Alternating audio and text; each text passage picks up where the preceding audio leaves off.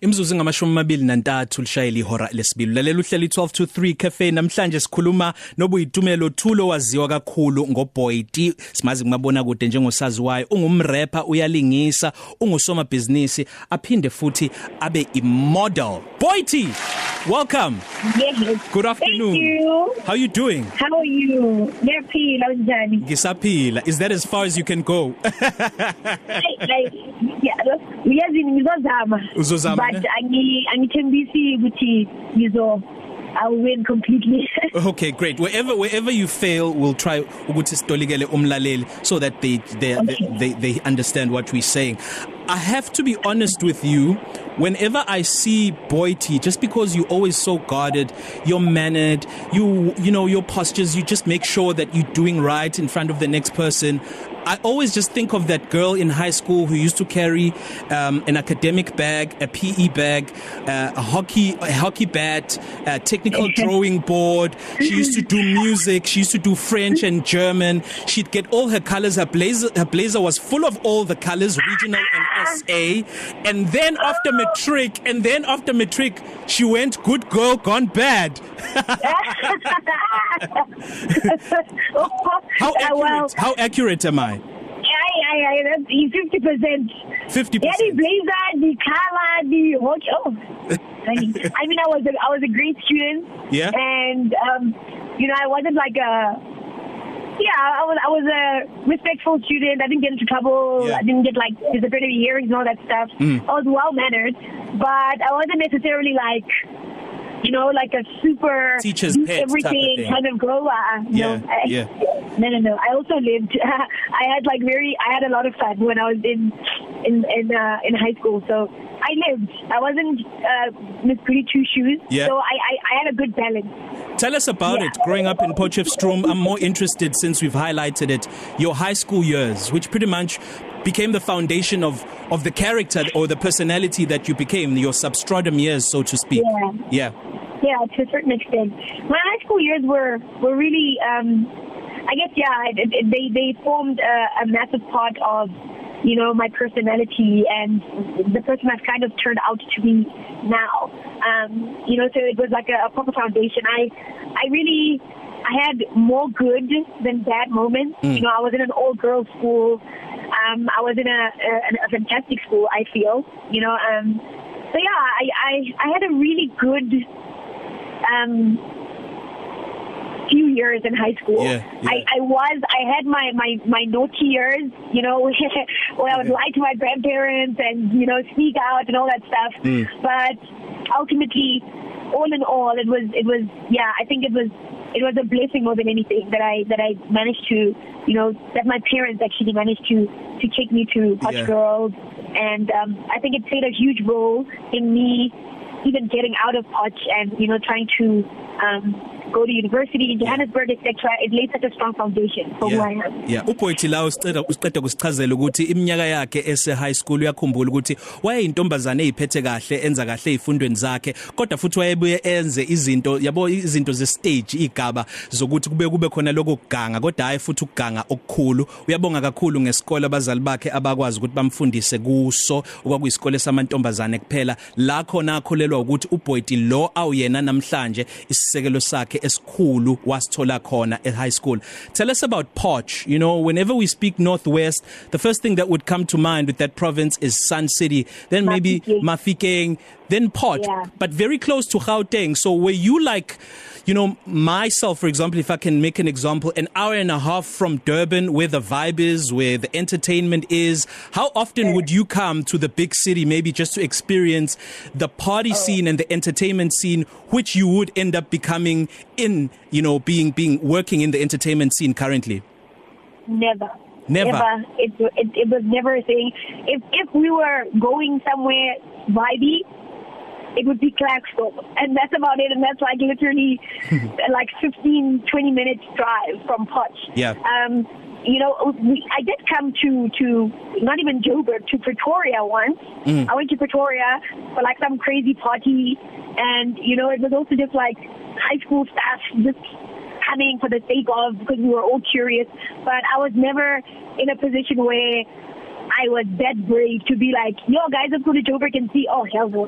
I was my grandparents would have killed me. Yeah. So I never really explored. And, and funny enough, my first time in a club was when I came to Johannesburg for university. That was the first time I actually entered a club, like for the first time. So it was never something I, I explored. So I was I was really as much as I was doing like like you're saying the things of a teenager, um, I was really guarded because Potch is so small. There's only so much you can do, Mm. you know. So if if we're saying we're taking it far, we're just going to text off and then we come back. But we didn't do things like going to Joburg. Yeah, that's scary. Yeah, yeah. In this house, being fab on the Yeah. Let's talk about your breakthrough in the industry. Uh, very similar to that of Tyrese. I don't know if you're aware that Tyrese broke through with an always Coca-Cola campaign for Yes, Coca-Cola. I know. You I know. also you also were, you know, a, a prototype of having broken through through an advert. Do you still remember this? I don't know if you can hear it. I'm going to play it. Hey, you're special. no, you're special. Oh, um, that's uh, two slices of cheese and chips. What will terminate my hunger, Louisiana? You have my guarantees in there. Take a seat, cheese boy. So so for obvious reason we had to edit and not say who the brand was. Yeah, of course, of course, of course. Do you still remember Yeah, I remember auditioning it. for that? Yes, I remember the people that were there. I remember exactly um, how I felt. I remember the person that they had casted before they casted the, that guy. Hey, it was it was really scary, and I think the reason why I got the ad is because I was as nervous as that girl in the advert. So I think they were thinking I'm just acting, but I was actually shaking, and I was just like scared. But it worked for the character, so they were just like, "Oh, you're perfect. Then you got it." And it's crazy because it was my first audition. It was my first first time trying out, Yeah. you know, being in an advert. So it was crazy. It was like beginner's luck. uthi boyithi ngesikhathi eya kwinhlolo khono yale yalesikhangiso agcina e- engena kusona esiqeda kusidlala uthi ukhumbula yonke into eyenzeka ngalolo suku ukhumbula wonke umuntu uthi indlela yenovalo ngayo yingakho lokho kumenza akwazi ukukhumbula yonke into uthi futhi naye kwaba inhlanhla ngoba kwakuyinhlolo khono yokuqala esikhangiso wayithola kwaba uyena okhethwayo kanti sike sambuza futhi ngokuthi ngesikhathi ehlala ePorsche wayengabi nakeni ukulingeka ngoba kuseduzane eJohannesburg ukuthi ke beye khona mhlawumbe beke beyothola ubumnandi uthi inhlobo akakaze uthi kwaze kwaba i- unyaka wakhe wokuqala esikhungweni semfundo ephakeme esefunda khona eGoli eMonash la enza khona imfundo ifundo eziphakeme la angena khona eklabini okokuqala let's take a break boy T Bakai Wena yo snai. we're going to come back Great song 2018 as we celebrate Boy T's 10 years in the industry. Yeah. Anna, alle bare bare to refit. Are ba bone bakai. Bane bare bai to sit. Are ba bone bakai. Wana na mor linkte. Are ba bone bakai. All I see is me and my chest. Are ba bone bakai. Alle bare bare to refit. Are ba bone bakai. Bane bare bai to sit. Are ba bone bakai. Wana na mor linkte. Are ba bone bakai. All Araba bone bakai. I do it for my best friend mama. I do it for my best friend Khala. To the three di sala. I cannot stress no drama. I keep modi long kay tata. Bona modi long bay tata. I really di long bay pata. I cannot di tongue clap. I'm a lady looking all proper. Look at all the gigs I'm popping. Everybody already talking. I ain't gonna change no topic. Soon as I drop, they bought it. It's all talking boring. Yawning. When do y'all work to be honest? Hey, cause that's that Rex, I get paid all the time. I beg chat, I don't waste any time. Get that talk, you look very alive. Swipe, swipe, swipe, I don't ever decline. Swipe, swipe, swipe, it'll never decline. Look at that belt on my waist when I whine. Take it away, call me and they beg me to sign. Got a sissy boy deal, I would never decline. Pare watwa sa mare bona o rata stratwa mona. Mirror, mirror on the wall. A kalohanya kay bona. Look at my whip, it's foreign. Look at my, my he foreign. Look at that, it's foreign. Check location, bona. Hale bare ba to fit. Araba bone bakai. Bane bare ba to sit. Araba bone bakai. Onar na mor linkte. Araba bone bakai. All I see is me and my chest. Araba bone bakai. Hale bare ba to fit. Araba bone bakai. Bane bare ba to sit. Araba bone bakai. Onar na mor linkte. Ariba boni bakai. All I see is me and my Uboy sixoxa naye njengamanje kwi 12 to 3 cafe ingcenye yesibili yale ngxoxo uzoyithola emva kwezemidlalo sekhona umhlonishwa. Zemidlalo zamba phambili. umdlalo ukhozi FM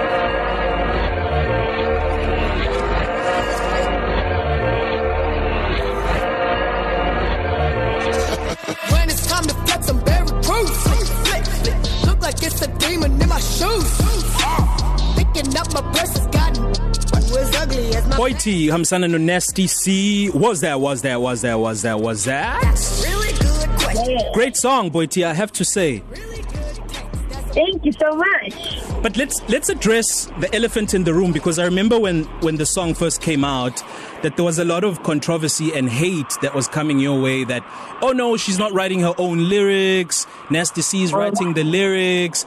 And and in actual fact with the genre of hip hop the credibility and the props that you earn are derived from you writing your own lyrics. So Oh, really what is it? And and, and and and in 2020 maybe it doesn't have to be. You know we progress.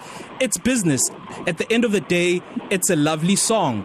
Are you are you okay with putting us in a clear with that? First of all, um, I don't really know where people get the narrative that in hip hop, um, you know, uh, you only get credibility because you write your own. Kanye West has a team of writers. Drake has a team of. Beyonce has a team of writers. Mm. It's like it's there's mm. no way. There are people who are literally they they go to school Yeah. to be writers. You know, they they're not necessarily um, well equipped to become rappers, but Yeah. they their job is to write. You know, so I've I've always been upfront from the very beginning. I never got into the the rapping space claiming that oh I'm the best writer, I write everything. There's no ways. I get assistance, and I'm happy with that because it allows me to you know to to do and to live my dream the best way possible. Because mm. I can't pretend that I can do everything on my own because I think that that's a recipe for failure. Um, so it's a conversation I've had many times, and when people ask me, it's never been a con- controversial thing. It's never been an elephant in the room because it's something I've I've always you know um, responded to head on. Like, Yeah. of course, Nasty helped me tremendously. There's no way that I didn't know anything about um, how to put words down um, as a rapper. You know, the the thing is, you you sit down, um, you listen to the beat, you listen to the song, and you you tell. Well, that's what this is what I do. And between me and Nasty, this is this is what it was. It was me telling Nasty, okay, this is how I feel song Yeah. should be. Um, these are the kind of words I would like to put. This is the kind of attitude I want to have across. This is the kind of message I want to put across. You know, and then we we have a session where he's like, okay, cool. How does this sound? And I'm like, yes, that's exactly how I would like it to sound. You know, it's not necessarily me Yeah. going into the booth and writing everything down. No, I I, I wouldn't claim that because I'd be lying, and I don't want to be like a lot of other people who lie about the fact that they write their own Yeah. stuff because it's not true. Yeah.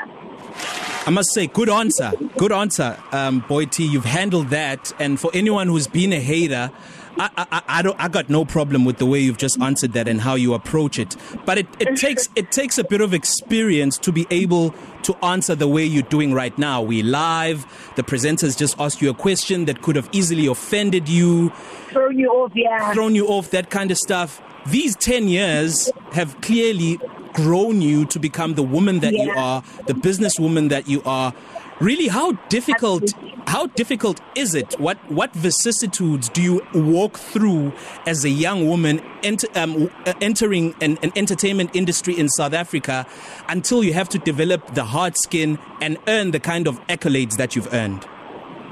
it is it's, it's incredibly tough you know that's and you know when people always ask like oh what does it take to get into the industry um Boichi, do you have any advice i'm like um you know what i don't have a manual because it's been 10 years so um you know it's like it's like overnight it, it takes years um you know to become an overnight success so everything that everyone sees now it's mm. it's it's been years and years of preparation years and years of um, being told no, years and years of not, of not getting what you feel you deserve, and years of, of just dealing with so much more than one human being should be going through. Yeah. And I think, yeah, to a certain extent, some people can't handle it. So that's why you'll find people don't always last in the Yeah. industry because some people are just like, there's no way. I don't have to deal with this. this Yeah. I don't. I don't want to be a part of this. So you have to want it so bad, and you have to you you have to believe in the bigger picture. You know, than that than that one moment that hurt you, or those few moments that made you feel like you're inadequate. You have to know the bigger picture. And for me, the bigger picture was always the fact that you know I know what my spirit wants. I know what my soul is yearning for. I know what God um, planted, you know, in my heart. So those are the things that that allow you to keep pushing forward. Because otherwise, you can get easily swallowed. You Yeah. can get easily depressed. You can, you know, you can you can turn to drugs. You can become an alcoholic, etc. Trying to, you know, to to I guess feed the pain of what you go through in the industry. But if you, you know, if you if you understand the vision and you know what you're in it for, it, it'll be easier to hold on. So I think for me, the ten years has has been just a, a massive, um, been a massive uh, learning curve of what it takes to hold on to something that you truly believe in. Yeah, uBoythi Yeah. uchaza leminyaka eyishumi njengeminyaka okubalekile ukuthi udingana ukuthi ubambelele kulombono onawo yize zikhona izinselelo ingakho abanye begcina bengakwazanga ukuqhubeka mhlawumbe abanye ukuze bemala bemelane nalemboni kaqedisa isizungu bagcine mhlawumbe sebe sebesophuzeni oludakwayo oludakayo uthi kudinga ukuthi ukhumbule ukuthi yini uNkulunkulu ayitshalile kuye and yiyo ke lento yena emkhuthazile nemenze wabambelela nokuthi wafika kulesi sigaba akusona. Embuzweni esimbuze wona maqondana nokuyibhalela noma ekungabhalini ingoma uthi akaza kufihle ukuthi i- i- i- i-rap eh, uyavuleleka kubantu asebenza nabo ukuthi bamlekelele bambhalele. Uthi akudingi nanokuthi azagxekwe ngoba kunabaculi aba abacelebratewayo noma aba- aba- aba- abahlonishwa kakhulu nabo ababhalelwayo emhlabeni kodwa akungaze ngakhulunywa kuthiweni. You you are now like a fully fledged woman power brand in South Africa. And I, I need to congratulate you for that.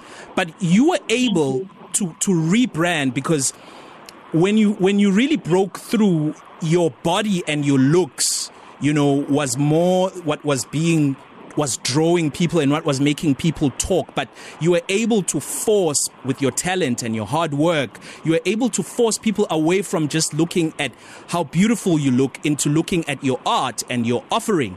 How are you able to do that? And how really difficult is it for women in the industry to turn their heads away from the booty and the good looks and all of that kind of stuff? Yeah, I mean, I think it's a it's an unfair thing that women in general, all, all over the world, in all kinds of um, industries, have to deal with. You know, that level of patriarchy where it is believed that you know we're only good for being looked at and not being listened to Mm. and not being um, um, validated. Um, so it's it's something that you know every woman in every industry has to fight especially black women. And it's been it's been a it's been a difficult one, but again, it goes back to you understanding your vision, you understanding what you're here for. Um, I think it, it blocks out a lot of the noise.